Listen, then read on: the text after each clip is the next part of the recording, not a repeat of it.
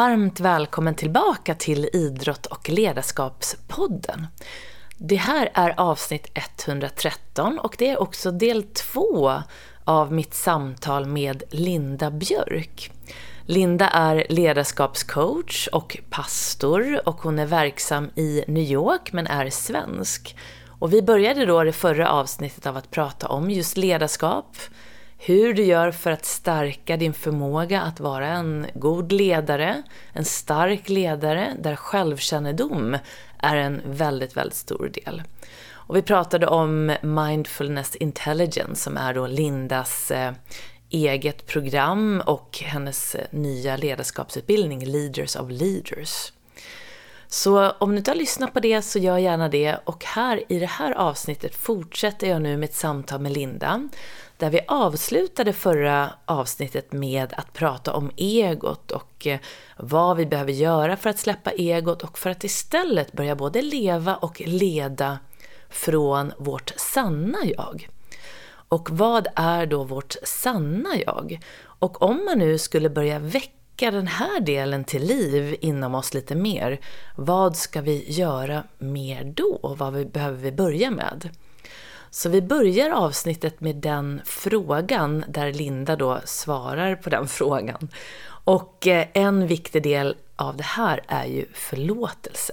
Så Linda kommer in väldigt mycket på just den biten. Vi kommer sen in också på hjärtat. Hur man gör för att gå från hjärnan till hjärtat och varför hjärtat nu för tiden också kallas en av våra hjärnor. Och här kommer vi in då på hur gör man för att leda med ett heart-based leadership, alltså hur gör man för att leda med hjärtat? Och hur kan man hitta den tilliten till att lita på att det är lika starkt och till och med starkare att vara en ledare som leder från hjärtat än en som bara leder från hjärnan? Och jag frågar Linda om det här med tävling och vi kommer in på hur kan man göra för att tävla på med glädje och kan man tävla med fokus i hjärtat? Och jag tror ju att det är ett nytt sätt att tävla som vi börjar närma oss, där vi tävlar helt enkelt på nya villkor, där alltid glädjen och ditt välmående kommer i balans med din topprestation och att du faktiskt kommer slå både längre, om du nu är golfare, och prestera bättre när du börjar tävla från hjärtat. Så det var en väldigt spännande diskussion. Och sen så kommer vi då att eh, prata om eh, hur du gör själv då för att utveckla ditt ledarskap för att gå mot framtiden. Och det är alltid kul att prata med Linda. Hon har en hoppfull och ljus syn på framtiden och hon vet att vi som människor, alla vi, har ett ljus och en godhet inom oss och den ska vi nu tillsammans hjälpa varandra väcka till liv. Så varmt välkommen till del två med Linda Björk. I det här avsnittet är jag också mycket glad att presentera Kerstin Florian som är ny sponsor till Idrott och ledarskapspodden. Kerstin Florian grundades i USA redan 1978 av svenskfödda Kerstin Florian och idag är de en av de mest välrenommerade hudvårdsmärkena inom spaindustrin. Och Kerstin Florian själv har aldrig frångått sin vision av att skapa välmående i sin omgivning och väldigt tidigt förstod hon vikten av de här banden som finns mellan kropp och själ, goda energier och hälsa, vår jord och vårt välmående. Med en holistisk väg till wellness och resultatinriktad hudvård formulerar Kerstin Florian sina produkter med naturens hälsobringande ingredienser inspirerad av att yttre skönhet alltid är en reflektion av inre hälsa. Att arbeta hållbart, miljövänligt och långsiktigt är en självklarhet för Kerstin Florian. Och wellness byggs ju upp av fyra hörnstenar. Hälsosam kost, regelbunden motion, mental avkoppling, vård av ansikte och kropp. Och alla de här delarna är viktiga ingredienser för att bygga ditt välmående från grunden. Och just på grund av de här orden och denna inriktning är jag väldigt glad att Kerstin Florian nu har valt att sponsra den här podden som också har som mål att sprida kunskap och inspiration om hur du bygger upp din inre hälsa och välmående för yttre framgång och hur du börjar träna för att stärka dig mentalt från grunden för att hålla i längden. Och jag har själv känt Kerstin Florian som företag i många, många år. Och du som har läst min bok Stolt, stark och säker vet att jag bland annat använder produkten Calm Mind. Både för att sova bättre och bli lugn och säker på golfbanan, inför föreläsningar och annat. Och denna produkt tillsammans med de olika linjer som finns hos Kerstin Florian, Essentials Body Care, Essentials Skin Care, Correcting Skincare och den fantastiska linjen Anda har du nu 15% rabatt på. Och till Anda-serien har Kerstin Florian också skapat ett Blissful Moment-kort och även två meditationsfilmer som du hittar på länken nedan. Så gå in på kerstinflorian.se, se dig omkring och hör av dig till dem om du har frågor eller funderingar om din egen hudvård. Och när du sen vill köpa en produkt så har du som lyssnar på den här podden 15% rabatt på hela sortimentet. Du använder då koden Jenny15 med stora bokstäver och då kan du också handla flera gånger med samma kod. Så gå in på kerstinflorian.se, använd koden Jenny15 när du checkar ut och den här koden är aktiv idag till och med juni månad. Så stort tack igen till Kerstin Florian för att ni sponsrar den här podden. Och nu är det dags för avsnittet med Linda Björk att fortsätta med del två. Så luta dig tillbaka, ta några djupa andetag och nu kör vi!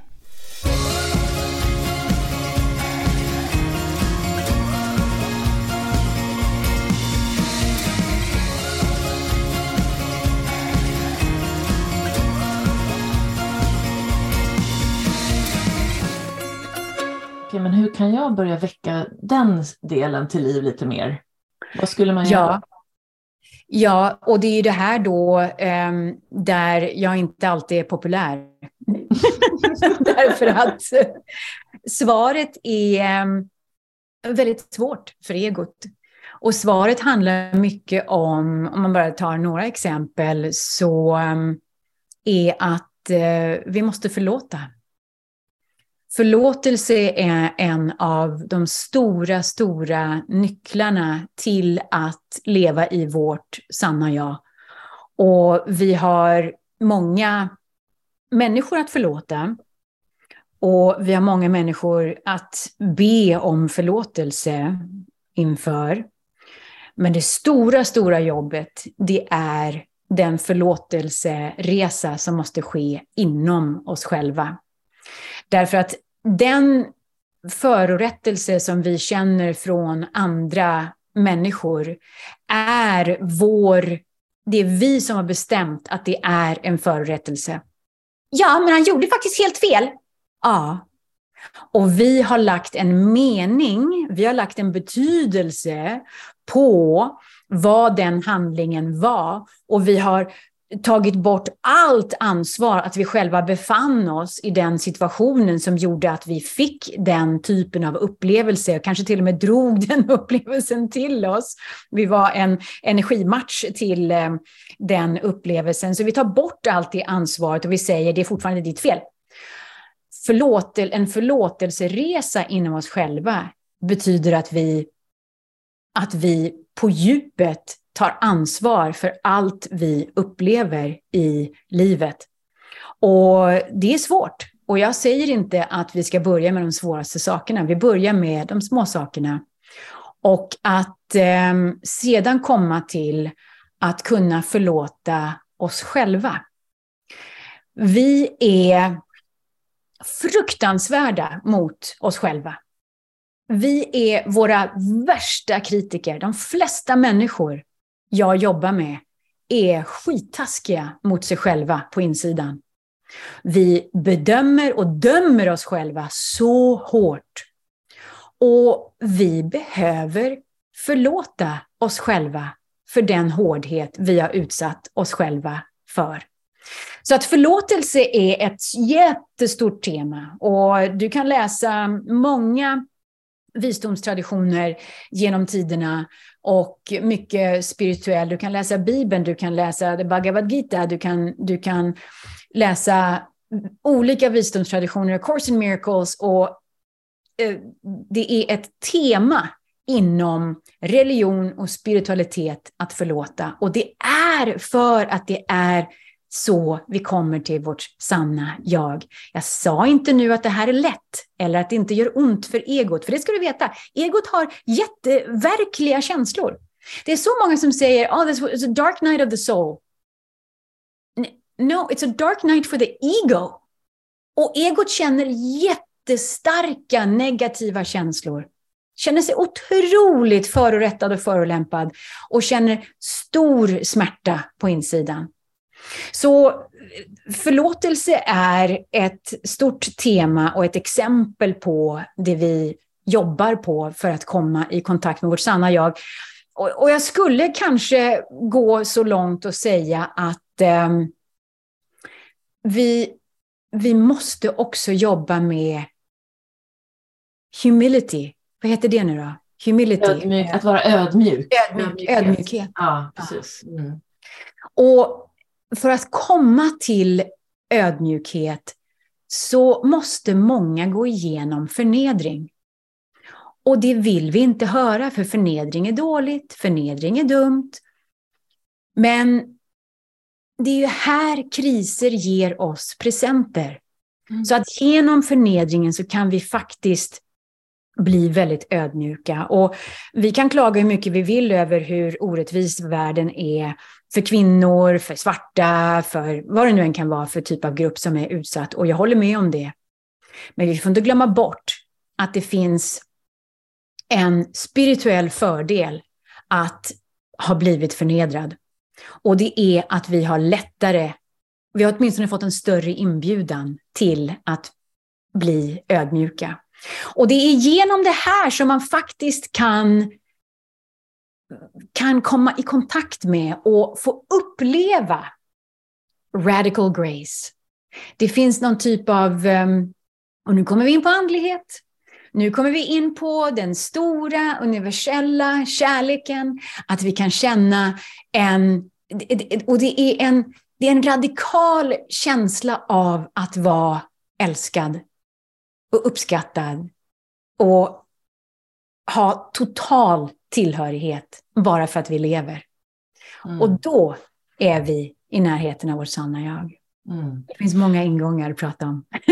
det är så fascinerande. Jag brukar ju, du vet, eftersom jag kommer från golfvärlden så ibland så, eller väldigt ofta får jag relation, liksom, vad heter det, man börjar tänka på olika situationer på de, de jag jobbar med som är golfare och som tävlar och där prestationen blir så stark, där egot kommer in och man blir så tuff mot sig själv och till slut så håller det inte. Det kan hålla ganska långt, man kan klara sig, man vinner kanske, man klarar sig, men förr eller senare om man styrs av egot då istället för sitt sanna jag, då kommer man sluta eller man kommer må dåligt. Man når kanske till och med psykisk ohälsa när man till slut kanske slutar med sin idrott då. Och då brukar jag tänka just det här att om man vet att närvaron är en väg in och hjärtat är en väg in, då har jag ju märkt att det går att tävla, det går att prestera även på topp i sådana miljöer som är då idrott och, och tävlan. Och eh, där är det ju så att man vet att den enda plats där du mår och presterar på topp är i nuet. Och i golfen har man ju slaget. Mm. Det är där man vill prestera på topp. Och jag hade precis, jag har ju en väldigt lång serie föreläsningar nu för mängder av kvinnor här i Stockholmsområdet som jag tränar i, eh, vi för, jag föreläser för dem om mental träning och helheten och vad, vad som gör att du blir en stolt, stark och säker golfare. Och, eh, och då en av de här områdena är just att hur gör jag för att bli, bara ha ett anker och vara i nuet när jag slår mitt slag? Och när jag är där helt ren från alla tankar på grund av att jag har ett enda anker, det kanske är målet eller något annat, då finns det ingen, inget ego på plats. Det finns ingenting, utan det är helt klart kan man säga. Och då kan du slå ditt bästa slag. Och sen då, efter slaget, så kommer man in i promenaden. Och då gäller det ju att fortsätta vara i det här närvaron. Och då kan man använda mindfulness som du också har hjälpt mig förstå ännu djupare att du jobbar med mindful walking. fortsätter vara närvarande, men det blir på ett annat sätt. Det blir liksom det här bredare fokuset. Men att just använda sin förmåga att kunna släppa egot och komma till sitt sanna jag, det kan man göra på golfbanan. för att få ett större, en, liksom en lite enklare, om man nu tycker att man kan, ska träna på det här, att vara närvarande. Det, kan, det behöver inte vara golf, det kan ju vara när man simmar, när man du vet, eh, håller på, vi har ju haft Vasaloppet här precis. Eller träna i olika situationer, tänker jag, som är som du sa, man börjar i ett, på en liten plats. Ja. Och det, förlåt, det sista jag skulle säga bara var, apropå ankaret. Jag har märkt att om ankaret som jag kan fokusera på ligger närmare hjärtat, om jag tänker att jag nästan fokuserar på hjärtat precis innan jag slår mitt golfslag, det blir till och med längre slag. Förstår du? Man kan slå längre genom att du fokuserar på hjärtat istället för att vara uppe i huvudet och som man väldigt lätt kan vara när man tänker på ett slag och man är på golfbanan. Ja, det är så fascinerande det du gör, för att det är så mätbart där du är. Ehm, just vad det gäller golf och slaget. Och det, är, det är en fascinerande värld att um, jobba med sådana här typer av, av um, metoder. Och det jag ser så, så tydligt eh, inom golf och all typ av sport är att alltså de som tar sig själva på för stort allvar, det nyper de alltid i rumpan till slut. Alltså det, är, det går inte att ta sig själv på för stort allvar och prestera på topp. Och, och, det är ju en, här pratar vi ju, på engelska så säger vi att det finns en surrender. Alltså you surrender to something bigger, you know. Och, så att man ger väl upp sig. Släpper taget, ja. Ja, man släpper tag på något vis. It's, it's a surrendering. Um, och, ehm, och vad som händer, det är nästan som att cirkeln sluts eftersom då kommer vi tillbaka till att vi, vi tävlar, men på helt andra villkor. Vi tävlar, men det finns en lekfullhet i det hela. Vi tävlar och priset är någonting helt annat. Det vi mäter är någonting annat. Det är fortfarande kul att vinna, speciellt inom golf. Jesus vad mycket pengar de tjänar. det är klart det är jättekul. Vi gillar ju pengar. Men om då mycket pengar har en energi som är väldigt positiv för dig och du tycker skitsynd om dig själv och håller på att slå på dig själv därför att du har eh, varit så pissdålig på golf de senaste slagen, då kommer du ju aldrig kunna hitta den där vibrationen som stämmer överens med, med pengarna och möjligheten. Återigen, allting är what kind of meaning do you put on things? Och um, att hitta tillbaka till tävling med helt, på ett helt annat sätt. Ja, det måste mm. vara superkul att, att jobba mm. just med, med golf som du gör för att det är så pass mm. mätbart. Och det är just överhuvudtaget just det här med prestationen. Jag tror att det är väldigt lätt att det blir negativt på grund av att det är så många som faktiskt mår dåligt när man går in i tävlan. Eh, och att det är att man ska jämföra sig med andra. Vem var bäst den här gången? Och man är liksom inne i på en liksom, jag, jag ser nästan, det är liksom en lägre nivå. Vi, har inte, vi behöver höja oss där också för att då kan det vara så att om man nu tycker att det är kul att hålla på med en idrott och hålla på och tävla, att man kan göra det på ett hälsosamt sätt. Och eh, ah. det finns, jag, jag, tycker också att det verkar som att vi börjar prata mer på det sättet och jag märker väldigt tydligt nu när jag försöker eh, jobba väldigt mycket med att få in just mental träning, få in medveten närvaro. Den typen av träning. Du vet, jag sa, sa idag nu senast och även till en, en kille som jag precis har börjat jobba med som, eh, som är proffs att de saker jag lär ut idag till de golfare jag har, det har jag inte lärt mig i golfböckerna som jag har i min bokhylla som är typ 250 stycken. Utan jag har lärt mig det från yogan, jag har lärt mig det från mindfulnessvärlden, jag har lärt mig det från, inte ens faktiskt, eh, alltså mental träning har jag lärt mig absolut, men inte från golf. Det, är liksom, det kommer från en annan håll och jag tror att det där börjar lite som att vetenskapen närmar sig det öst, säger man östländska filosofin med yogan, då börjar närma sig det spirituella och det vetenskapliga. Lite så tror jag att i idrottsvärlden, prestationsvärlden, så kan det vara så att hjärtat börjar närma sig och att man kan tävla, som du säger, på ett helt annat sätt. Och det är där jag tror att vi alla, nästan nu när jag hoppas nu den som lyssnar, att man kan känna att det finns en annan väg om den som lyssnar nu kanske känner att tävlan börjar göra att jag liksom, du vet, man är aldrig nöjd, man har gjort den där tävlingen, man kanske till och med vann. Men då är det ändå så här, nästa tävling, nästa tävling, nu måste jag ändå bli bättre. Och utveckling är alltid bra, eller hur? Det är inte att man inte ska utvecklas, att man inte vill framåt, men det är den där äh, energin i hur man vill utvecklas, vad det är som driver det. Och, och jag tror att nu när vi pratar att man kan förstå att om egot driver, det är en annan vibration, det blir en negativ, det tar på kraften, det tar på det sympatiska nervsystemet. Än om man känner att det här andra driver vår utveckling framåt som får vara då det sanna jaget. Mm. Och då kan vi kalla det kanske det parasympatiska nervsystemet. Ett lugn som ger fokus, eller hur? Ah. Och då att, att det får driva, då kommer vi komma längre, eller hur? Ungefär ah. som att man slår längre. Vi, vi kommer längre och vi kommer till och med eh, njuta på vägen. Och, och, jag tror att den kommentaren är så otroligt viktig, därför att jag har pratat med många idrottare som har tagit eh, olika mästerskapstitlar år efter år och eh, första året är det jättekul. Och andra året känns det som att jaha, men det var ju tur att jag gjorde det igen, för annars hade det blivit pinsamt. Och tredje året så är det, ja, ah, du vet, nu håller jag bara på att försvara min titel här. Och fjärde året, du vet, sådana som bara är superbra på sin sport, men glädjen är totalt borta. Varför ska vi då göra det hela?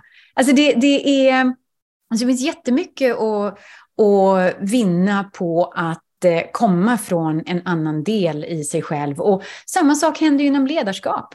Där det är, vi börjar ju prata mer och mer om hjärtebaserat eh, ledarskap eh, på samma sätt som du är inne på det i, i golfen. Mm. Och där brukar du säga att den längsta resa vi gör genom livet, det är den från hjärnan till hjärtat. Och vi har ju då det här som, som du jobbar med, som också kan, man kanske kan kalla det heart-based leadership. Ja, det skulle man faktiskt kunna göra. Eller hur? Och där vet jag ju att det har vi också, att vi har pratat om det i utbildningen som du har, det här att vi har tre hjärnor. Man brukar ju prata om en hjärna, men egentligen har vi faktiskt tre hjärnor där hjärtat faktiskt kan kallas just hjärna. Skulle du kunna förklara vad man menar med det? Ja, eh, så som jag lär ut det här i Mindfulness Intelligence så har vi fem hjärnor, så det blir bättre och bättre. Ja, just det, vad bra.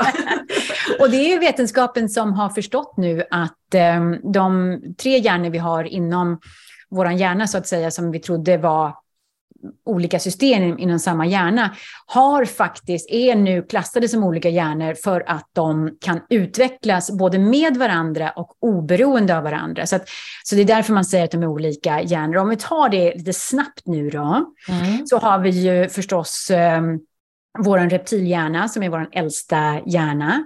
Och det är ju våran, eh, ja, där vi har våra eh, motor skills, vad det nu heter. Gamla programmeringar, överlevnadsinstinkter. Ja, mm. Absolut. Och det är, det är vår överlevnadshjärna helt enkelt. Längst bak. Sen så har vi vår emotionella hjärna, limbic brain, som är en, faktiskt en annan hjärna. Så det är hjärna nummer två. Det är vad vi kallar för the old mammalian brain. Och det är där vi har um, Eh, känslor och cognition. Och det är så intressant när man börjar titta på hur otroligt viktig den här känslomässiga hjärnan är för all hjärnutveckling runt omkring. Och ehm, här är det ju väldigt mycket hormoner som lever. Det, allting som... Det, det här är liksom vår, vår Ehm, vårt fundament för att kunna ha eh, relationer överhuvudtaget. Så det är mycket mirror neurons och, och, och, sånt. Sen så har vi en tredje hjärna som är vår intellektuella hjärna. Och den här vi kallar för um, the, the cortical brain, the new mammalian brain.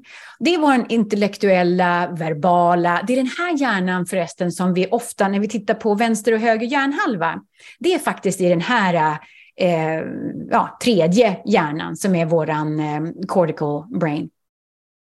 Sen har vi en fjärde som är mer som ett lager runt hela hjärnan som heter the prefrontal cortex. Och den är den mest känsliga delen för att bli skadad, för den är så otroligt komplex och det är liksom en higher intellectual capabilities i vår prefrontal cortex. Det är här vi kan dra ihop alla de här sammanhangen. Det är här våra tre andra hjärnor kommer samman, där vi kan göra samspel mellan vänster och höger hjärnhalva etc. etc. Så att, um, det är den här då som, som, om man tittar på österländska filosofier så kanske vi har kallat det här för the third eye. Vi har kanske kallat det för the guru chakra eller vårt eh, sjätte chakra. Så det, det, är mycket som går samman liksom, när man tittar på, på eh, andra system för att förstå sig på hur våra hjärnor fungerar. Och eh, det är här vi kan bli riktigt, riktigt intelligenta. Och vi är flexibla. Så att ju mer vi låter alla de här fyra hjärnorna inom vårt, eh, the cranial brain, så inom vår eh, skalle. Ja, alltså, ja just det, precis. Ja. ja. Mm. Eh, och, så att ju mer, så att alla de här eh, hjärnorna, de här fyra hjärnorna, utvecklas, ju, och ju mer de utvecklas, desto mer kan de hjälpa, till exempel om du kommit till att ha en välutvecklad prefrontal cortex, så hjälper det även din reptilian brain att utvecklas och, och bli starkare och växa. Så vi, och, och sen, samma sak vad gäller störningar. Och ehm, det finns så mycket vi skulle kunna prata om här, men, men jag vill komma till det du egentligen frågade om, vilket är vad, vad hjärtat har för, för inspel i det här. Och då har det visat sig att hjärtat har så pass många, vad som kallas för sensory neurites, och det är specialceller, 40 000 specialceller i hjärtat, så pass att det fungerar som en hjärna. Och det här är så himla intressant just med hjärtat. Och det är det att när vi lär oss någonting, när vi upplever någonting, så registreras det separat i hjärtat. Så hjärtat som hjärna, så att säga, har ett eget minne och en egen hjärnfunktion separat från hur ditt intellektuella i din hjärna kanske uppfattade situationen. Och det finns så mycket att säga om, om, om hjärtat som en helt otrolig entitet. Till exempel så, så om man mäter då, om man ska prata om det lite vetenskapligt, om man, om man mäter um, magnetismen runt, en, um, runt hjärta, om man tittar då på electromagnetic, så är det 5000 gånger starkare kring hjärtat än vad det är i vår cranial brain. Mm. Och det är ju, den är 60 000 gånger, nej, nej förlåt, det är 60 gånger eh, Eh, starkare, starkare elektricitet vi kan mäta runt hjärtat kontra våran cranial brain. Så att när jag tänker på, hjär, eh, på hjärtat som hjärna så känns det som att nej, när vi kommer in i vår femte hjärna, så att säga, vårt hjärta, så blir vi inte nog med att vi blir smartare, vi blir också visare. Det finns en visdom. Det finns en vishet i när vi kopplar på den här femte hjärnan som heter hjärtat. Mm. Så det finns så mycket, och tänk dig då eh, alla de här grejerna um, när man, när man, tänker på metafysik och that on which you focus grows och um, om vi styr medvetande och uppskattning till hjärtat, om vi, om vi gör det, det är så många plan. Jag tänker på din intressanta värld som har bland annat med golf att göra. Så om vi då uppskattar vårt, hjärn, äh, vårt hjärta och, och, och fokuserar på hjärtat så så har vi mer syretillsättning till våra muskler, vi har en inre vetskap, vi har en djupare visdom, därför att vi fokuserar på hjärtat. Och time and again så visar vi att, och det är här kvantfysiken bevisar för oss, att vad vi observerar och vad vi fokuserar vår medvetna närvaro på påverkas av vår medvetna fokus. Mm. Så att det, det, är en hel värld som plötsligt öppnas upp. Som, som, ja, vi kan mäta det här i bättre golfslag, vi kan mäta det här i pengar, vi kan mäta det här i, en, inte vet jag vad vi drömmer om och vi vill ha mer som, som har med den yttre världen att göra. Men allt det här börjar inombords. Och det som är så underbart med det här, att är att, och som händer med många som går igenom mitt program, är att det de trodde var viktigt för dem när de börjar, det är inte viktigt längre. Det, det är en massa groll som har lagts åt sidan, det är en massa yttre mätbarheter som vi inte vill vara med om längre. Det är inte, det är inte vi. Så det finns, nu pratar vi om vårt sanna jag på ett högre plan. Vi har använt oss av vetenskap, vi har använt oss av andlighet och, och, och, och sen att vi blir bättre golfare, det är ju, ja, det, det, det är toppen. det är bonus i det hela. Men, men då har vi verkligen ett rikare liv. Så, ehm, men, men hur gör du då om du har en ledare som du börjar jobba med och så ehm, ska den här personen börja jobba i verkligheten, i sitt företag, i sin ledarroll, börja jobba mer med hjärtat i fokus. Hur skulle ett sånt, en sån start kunna se ut, så att säga, för en ledare i ett företag? Jag kommer alltid från det här från två håll. Och det ena är utbildningsbiten. De, de, måste ta del av viss information vad det gäller det här och vad vetenskapen säger om hjärtat. Det är väldigt många linjära tänkare som behöver vetenskap och de måste tillfredsställa sin intellektuella hjärna för att gå med på den här resan. Mm, Så mm. att, att ha den biten och här i min tid, du som har gått igenom mitt program, du vet ju det att eh, vi kan till och med mäta att eh, det är viss typ av hjärtefokuserad meditation som gör att hjärtat helt utan spex lyser. Eh, så att, jag menar, det, det, det, och, så att, att komma med eh, vetenskap är det ena hållet. Och det är för att öppna dörren. Den andra, vad som händer när man väl öppnar dörren, är att man gör det som egentligen räknas. Och det är att uppleva sig själv och att uppleva hjärtat. Och att uppleva vad som händer med sig själv när vi gör de här specifika hjärtemeditationerna. När vi gör HeartMath har ju gjort ett fantastiskt eh, arbete vad det gäller att ta fram vetenskap runt just eh, hjärtats eh, fantastiska förmåga. Och ehm, att meditera. Så att, vi, så att vi kommer in i upplevelsen av vår egen fantastiska inre värld som självklart inkluderar vårt hjärta. Och när ledare har en upplevelse, en djup upplevelse av sig själv och hur de bidrar till, till världen bara genom sin närvaro, så finns det ingen återvändo. Och då är vi bortom transformation, då är vi trans muted. Vad heter det på svenska? you know, you're beyond eh, transformation, you're actually transmuted. Mm. Därför att du kan inte gå tillbaka. Du har mm. haft en upplevelse om dig själv som gör att okej, okay, nu är dörrarna vidöppna. Tell me the real truth. Nu mm. vill jag på en resa. Nu vill jag verkligen göra det här. Så, så det är de två ingångarna som jag använder mig med, med ledare. Och då tänker jag, när man är, vi säger nu att jag ska vara fokuserad på hjärtat, då är det som att jag behöver släppa taget om tankarna kan man säga. Att vi, du vet Eckart Tolle då, en spirituell ledare som jag tror många känner igen som lyssnar. Han brukar säga att det finns ett beroende som vi inte brukar prata om. Och det är just beroendet av att tänka.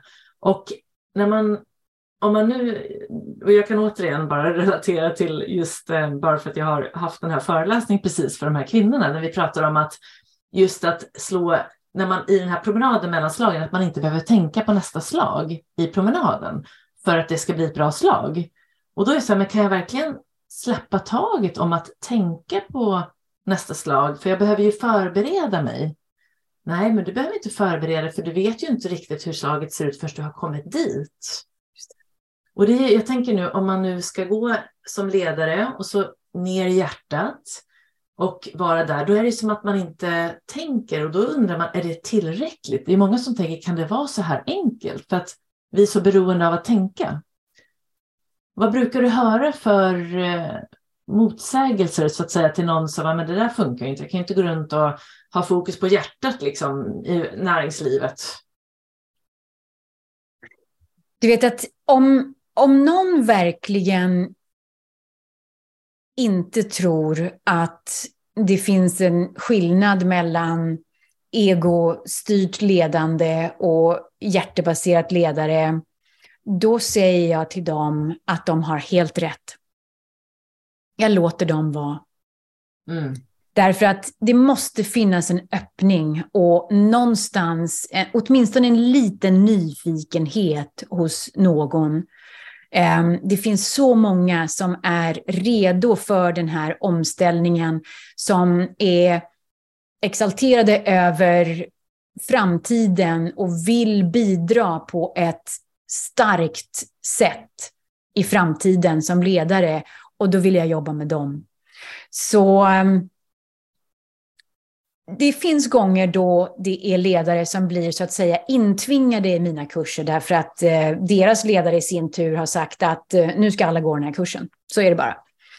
Och ehm, då är Eh, självklart så finns det då vägar med de här två ingångarna som jag skulle kunna jobba med. Och det som oftast händer är att de säger bullshit, bullshit, bullshit. Och sen så mediterar vi tillsammans. Och de kanske går med på det därför att deras fru tycker att det är bra. Eller för att någonting, ah, okej okay då, jag gör väl det. De råkar liksom börja meditera av någon anledning. Och då upplever de sig själva. Och där är ingången. Then they have a crack. Just det. Och, um, och, och, så det är, vi kommer tillbaka till den här, uh, you can lead the horse to water but you can't make them drink. Och, um, och det är precis samma sak vad det gäller det här.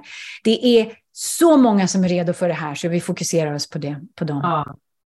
Och eh, vi, jag tänker på just apropå ledare som, som vi ändå pratar om mest. Och om du nu vill verkligen, vad ska man säga, skapa egenskaper, skapa de här möjligheterna, se möjligheter så att jag kan bli den här ledaren som går in i den här nya framtidens ledarskap kan vi ju säga att det här kommer vara, eller hur? Det, det lutar ju verkligen åt det hållet. Absolut. Hur tror du att de ska, vad är det första man kan göra om man blir nyfiken och vill närma sig den här typen av ledarskap? Ja, det finns många saker man kan göra och det finns många faktiskt som börjar med ett specifikt område som intresserar dem.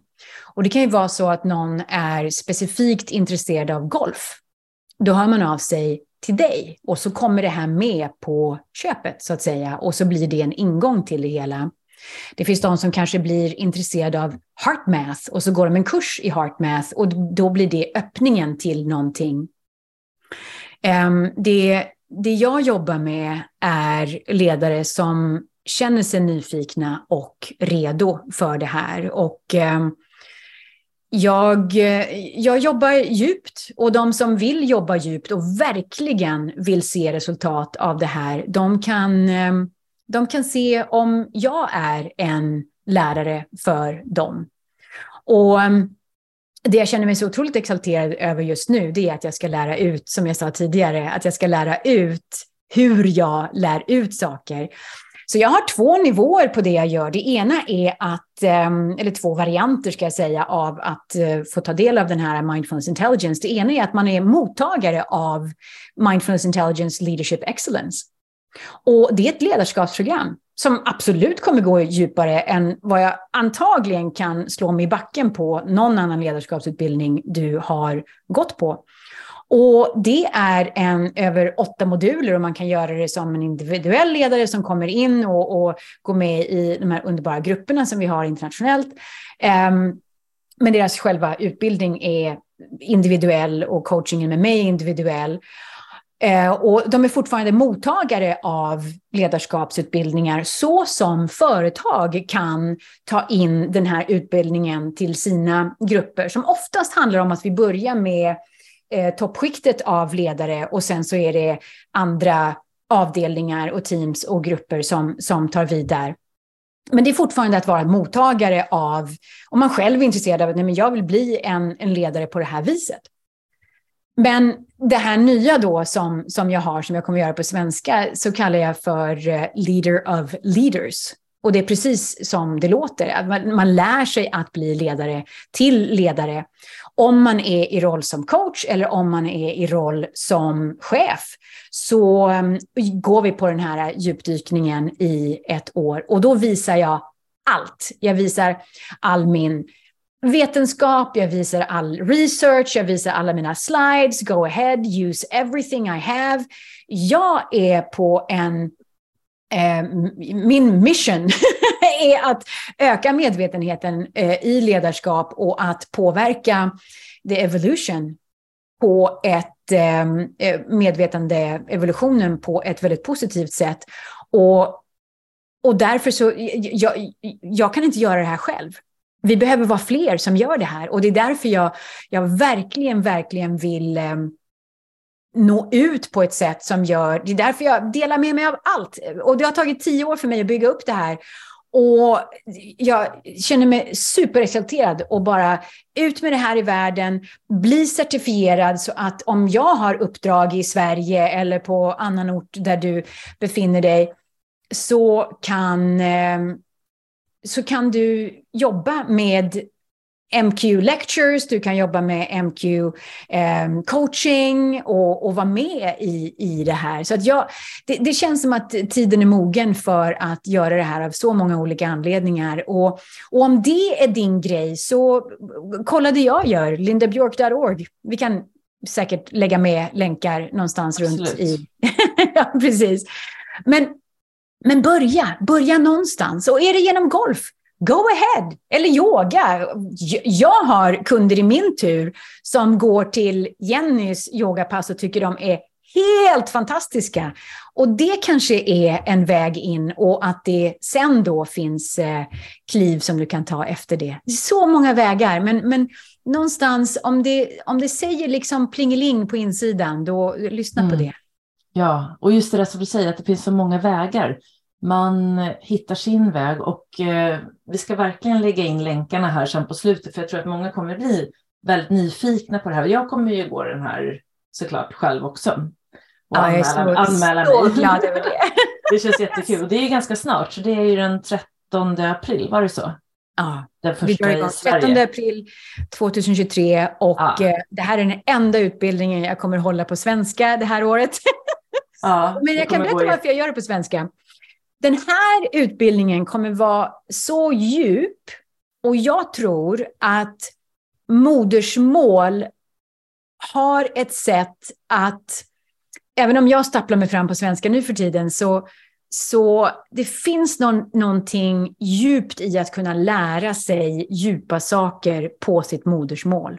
Mm. Så jag vill erbjuda det i Sverige, inte nog med att jag är svensk, utan för att jag ser att det är så många svenska företag som är intresserade av det här nu, som vill köpa de här typen av tjänster, som vill vara med i den här typen av ledarskapsförändring i sina företag. Jag kan inte jobba med alla, utan eh, jag ser verkligen Sverige som en jättebra progressiv marknad för att Eh, att vara en sån här typ av eh, leader of leaders.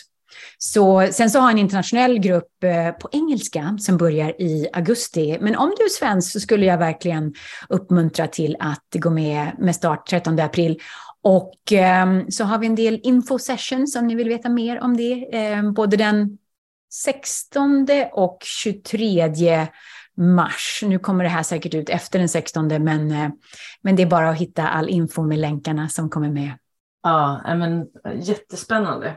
Och apropå det här då, att vi liksom är redo och man känner att man vill framåt och att det finns en nyfikenhet, så tänker jag på det här med framtidshopp. Och i det förra avsnittet i den här podden så var Mattias Sundin med som driver företaget Warp News. Och vi pratade jättemycket om det här vikten av att bestämma och ta kontroll över vad vi matar oss själva med när det gäller framförallt nyheter. För det är så otroligt lätt att det blir negativt när man bara följer slentriant allt som går till oss när det gäller just vanliga medier. Mm. Um, och, um, och då pratade vi om just faktabaserade optimistiska nyheter och jag frågade just om framtiden och vi pratade om framtiden. Och vad har du, hur ser du, jag tänker på hopp om framtiden, många kanske inte riktigt ser det här hoppfulla framtiden, förhoppningsvis är det många som gör det, men de som kanske inte gör det, hur, hur, hur ser du på framtiden när det gäller hoppfullhet? Alltså, jag var ju född en glad liten skit, så att um, det, det, det finns alltid positiva saker att hämta härifrån. Men, men um, jag tror att den största biten för någon som känner hopplöshet är att eh, kolla av med dig själv om din idé om framtiden som du känner dig hopplös ska någonstans infinna sig kanske inte är det som är ämnat att hända. Så vad jag menar med det är att vi har en vi har oftast väldigt starka idéer. Idealister har väldigt starka idéer om att det är så här det ska vara för att det ska vara bra. Och om det inte händer på det här viset, om det inte är så här, så känns det hopplöst. Det är fel, det är hopplöst, jag mår inte bra. Och helt plötsligt så har man någonstans spelat sig själv totalt i händerna på det, de, de negativa krafter som finns i världen. Därför att hopplöshet är, när man mäter känslor och vad man har för typ av hertz faktiskt i sig, vad man har för kraft i sig, eh, så är hopplöshet en av de absolut mest eh, eh svagaste mätbara känslor vi har. Så när vi är konsumenter av negativa nyheter och vi går in i hopplöshet så skulle jag vilja säga att du tittar på den här bilden och öppnar upp för att det kanske inte ska vara precis som du vill att det ska vara. Det, kanske, det här kanske är som det ska vara. Det här kanske från den mycket större universella bilden är precis som det ska vara just nu. Det betyder inte att vi inte ska jobba för en bättre värld eller för en bättre, för en rättvisare värld. Det betyder absolut inte det. Men det betyder att vi hittar en annan styrka inom oss själva när vi inte känner hopplöshet. Så det finns en jättestor anledning att jobba sig ut, ut, ut ur hopplöshet. För att du har ingen styrka i hopplöshet. Då är det bättre, hör och häpna, att bli förbannad. Ilska är en det finns mer power i ilska än det finns i hopplöshet. Så, så när vi lär oss om consciousness, när vi lär oss om medvetandenivåer och när vi jobbar med det på individuell plan i mindfulness intelligence och vart de nu kanske lär ut det här eh, elsewhere, så, så lär vi oss hur vi går stegen upp för att hitta den här stora styrkan så att vi har tillräckligt mycket kraft så vi inte mm. blir utbrända, så vi kan jobba för den värld vi skulle vilja se, men vi måste leva den känslan av den världen inom oss själva innan vi kan skapa den. That is universal law. Mm. It's work, but somebody's ja. got to do it. ja. men vi måste, att man måste börja vända blicken inåt och det är ju där man, om man tänker att, apropå att när man har det dåligt eller när man är med om dåliga saker, jobbiga saker, att man liksom verkligen suffer och lider, att det kan ibland vara det som är just vägen in. För att man ser till slut att jag måste, det, det verkar inte hjälpa att jag köper alla de här sakerna, det verkar inte hjälpa att jag dricker alkohol, det verkar inte hjälpa att jag vann de här pokalerna eller att jag fick det här jobbet eller att jag fick, utan, men till slut, till, till slut så titta, behöver vi titta inåt. Ja. Och nu när vi börjar lära oss mer om det här så kanske vi kan börja titta inåt lite tidigare och kanske på så vis slipper lite av det här liksom, lidandet då, eller hur? Att vi kan, ja. får vi medvetandet om det så kan vi börja titta inåt och då behöver vi kanske inte, ibland kan, ju, kan man känna oro för att man måste må skitdåligt då och gå den där jobbiga vägen för att kunna titta inåt, men så behöver det inte vara. Men det kan ibland bli den... Nej, Nej. Mm. Nej men jag, jag håller med dig helt och hållet och, och, och det är därför vi måste eh, Alltså för mig är det så förvånansvärt att vi inte har mer inre träning vad det gäller jobb eller överhuvudtaget livet. Eftersom smärta är någonting som vi, om vi inte lär oss att hantera smärta, så vill vi bara putta bort smärtan. Och vi gör det genom att bedöva den eller att lägga smärtan på andra. Så det är jättepopulärt att någon är otrevlig mot en själv och sen så vänder man på klacken och är otrevlig mot någon annan. Så att vad vi egentligen gör, det är att vi we transfer pain. Därför att vi vet inte vad vi ska göra av vår smärta. Eller så, det är ju självklart också väldigt populärt att bara bedöva smärta. Men det är ett sätt att fortfarande inte hantera smärta. Och när vi lär oss de här inre verktygen så lär vi oss att vara med smärtan och vi lär oss att transmute the pain. Och det är där vi hittar en helt annan typ av verklighet på insidan. Så att ja, ju snarare vi gör det arbetet, desto snabbare kommer vi ju självklart att kunna skapa de här positiva förändringarna. Ja. Och det Linda, det är ju så otroligt spännande och eh, härligt att prata med dig så man skulle kunna fortsätta flera timmar här. Men, men jag tänker att vi börjar avrunda här och jag brukar alltid avsluta med att fråga om du nu fick lämna tre saker, tre av de här viktigaste sakerna, det vi har pratat om, till den som lyssnar, som nu, just nu kanske drömmer om just att få den här förmågan att nå min fulla potential, kunna prestera på topp och må bra på vägen. Kanske mm. göra skillnad, höja min medvetandenivå. Komma till den här platsen där jag har startat från det inre till och kommer på så vis till det yttre. Vad skulle du säga då? Mm. Då skulle jag nog säga först och främst att eh, det är inget fel på dig. Det är absolut inget fel på dig. Det är så många som tror att de saknar någonting så att de kan inte gå framåt till det de drömmer om. Så det är det första, jätteviktigt att, att komma ihåg. Och den andra saken som också står i vägen för många som vill skapa en stor förändring i sitt liv, det är att de avfärdar sig själva genom att säga det här är inte min personlighet. Jag är introvert, jag är det och det. Och så har man en personlighet som, som man tror inte passar med den dröm man har. Och um, där vill jag också säga att din personlighet är summan av det du tänker och känner och gör. Och ju mer medvetna vi blir och ju mer träning vi har vad det gäller att styra våra tankar och vara med och påverka resan i det här vad jag då kallar för ett mind wheel, där vi tänker och känner och, och um, agerar. Du kan ändra det till precis det som du känner är det du vill skapa. Så låt inte din personlighet och din idé om din personlighet, personality is your personal reality och den kan vi ändra genom att du läste den här fantastiska boken Atomic Habits. Bit för bit så skapar vi en ny verklighet för vår person. A new personal reality, a new personality.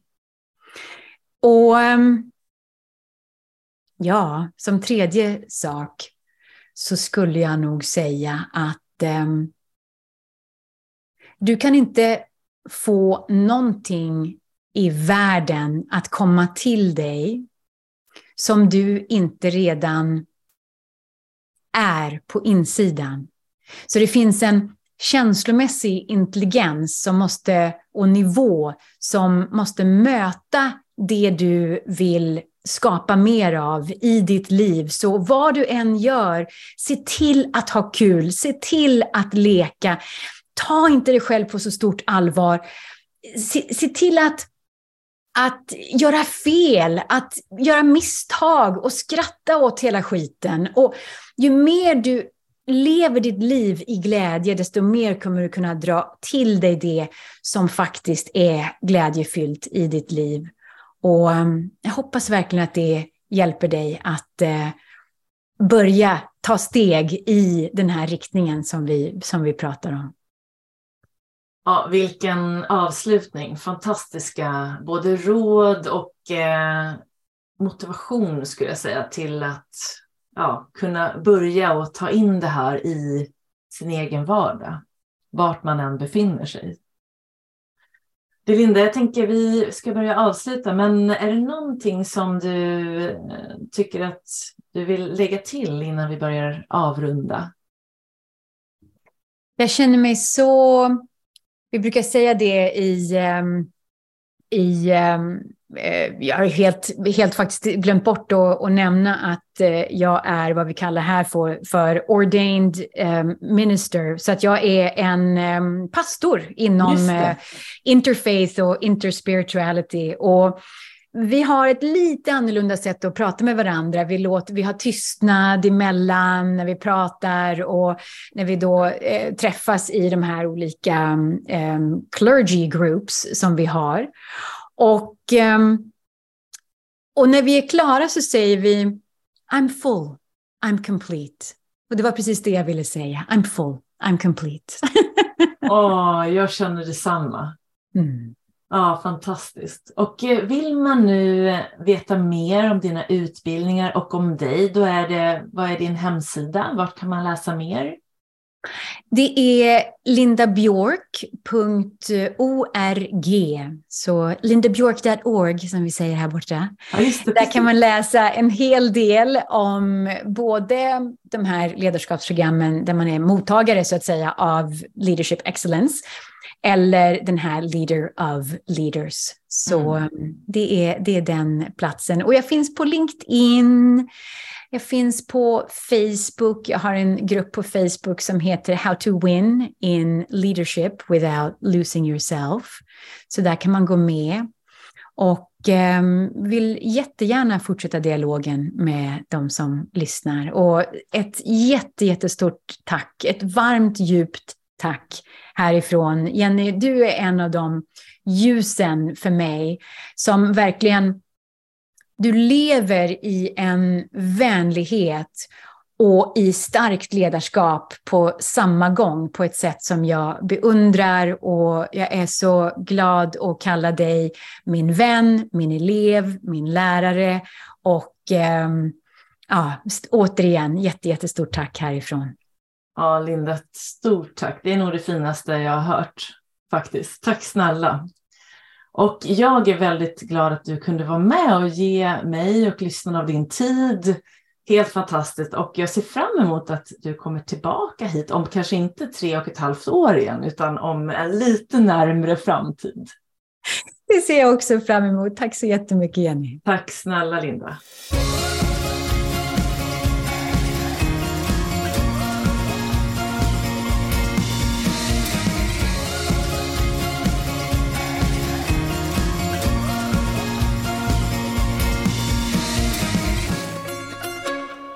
Då har du fått lyssna till den andra delen av mitt samtal med Linda Björk. Och jag hoppas nu att du har fått med dig en hel del både kunskap och inspiration som du kan ta med dig in i din egen vardag. Och blir du nu nyfiken på Linda och hennes utbildningar så går du in på lindabjörk.se lindabjörk.org och läser mer om det här. Och den 13 april börjar då den här utbildningen Leaders for Leaders i Sverige som jag själv ska gå. Så att är du då coach eller ledare så kan jag varmt rekommendera dig att läsa mer och kanske också hänga med på den här utbildningen. Och i det här avsnittet så pratar vi ju också mycket om hjärtat hjärtat och hur man börjar både leva och leda med hjärtat i fokus och att du också kan både prestera bättre och slå längre om du är golfare med fokus i hjärtat. Och blir du mer nyfiken på vad du kan göra för att stärka din kontakt med hjärtat så kan jag varmt rekommendera dig att hänga med på mina medicinska yogapass som jag har livestreamat på, eller som jag livestreamar då på onsdagskvällar klockan 19.10. Och det här gör jag i Facebookgruppen Stolt, stark och säker. Så du anmäler bara dig till den här gruppen så godkänner jag dig och så betalar man 50 kronor per gång som swishas och så får du göra det här passet så många gånger du vill och det ligger kvar då i en vecka. Och här har jag ofta hjärtat i fokus. Det kan vara en hjärtmeditation och ibland skickar vi lite extra energi till hjärtat och så är det också lite andra teman där även då självkännedom, självförtroende och sådant finns med. Så häng gärna med där. Och vill du ha tillgång till ett yogapass alltid som är för hjärtat, då finns 18 yogaklasser på min, eh, mitt kurscenter online som du kan köpa för en symbolisk summa. Då går du in antingen via min egen hemsida jennyhagman.com som då och då går du in under online eller så går du direkt till min, mitt kurscenter online som är då trainforbalance.newzenler.com och du hittar länkar här nere också. Och där finns då ett pass för just specifikt hjärtat. Och så finns det då 18 andra teman där. Och för dig som är golfare så finns ju då den här kursen Mental träning för golfare, den är också online, en åtta veckors kurs där du får gå igenom allt du behöver veta om mental träning, inklusive en hjärtmeditation. Ehm, så den, är du golfare och behöver stärka dig mentalt på och av golfbanan så kan jag rekommendera dig att gå den här kursen och den hittar du också på samma hemsida, trainforbalance.newzender.com. Och sen en sista rekommendation vad gäller utbildningar så har jag en workshop bara på tre timmar den 1 april på Danderydsgatan 2 i Stockholm. Och här kommer du få lära dig de viktigaste ingredienserna för hur du bygger upp en mental styrka från grunden och vi gör ett medicinskt yogapass tillsammans på en timme som stärker dina förstärka nerver och lugn i sinnet. Och den kan du anmäla dig till då på jennyhagman.com under boka. Så med det sagt önskar jag dig nu en fortsatt skön dag eller kväll. Och jag vill återigen tacka Kerstin Florian för att ni sponsrar den här podden. Och glöm inte nu att gå in på kerstinflorian.se, se dig omkring, hör av dig till dem om du har några frågor om just hudvård och ditt din inre hälsa. Och när du sen vill köpa en produkt så använder du då koden Jenny15 och då får du 15% rabatt på hela sortimentet. Så gå in på kerstinflorian.se och läs mer. Så tack igen till Kerstin Florian. Och nu önskar jag dig en fortsatt härlig dag eller kväll, att du tar hand om dig och att vi ses här snart igen. Hej då!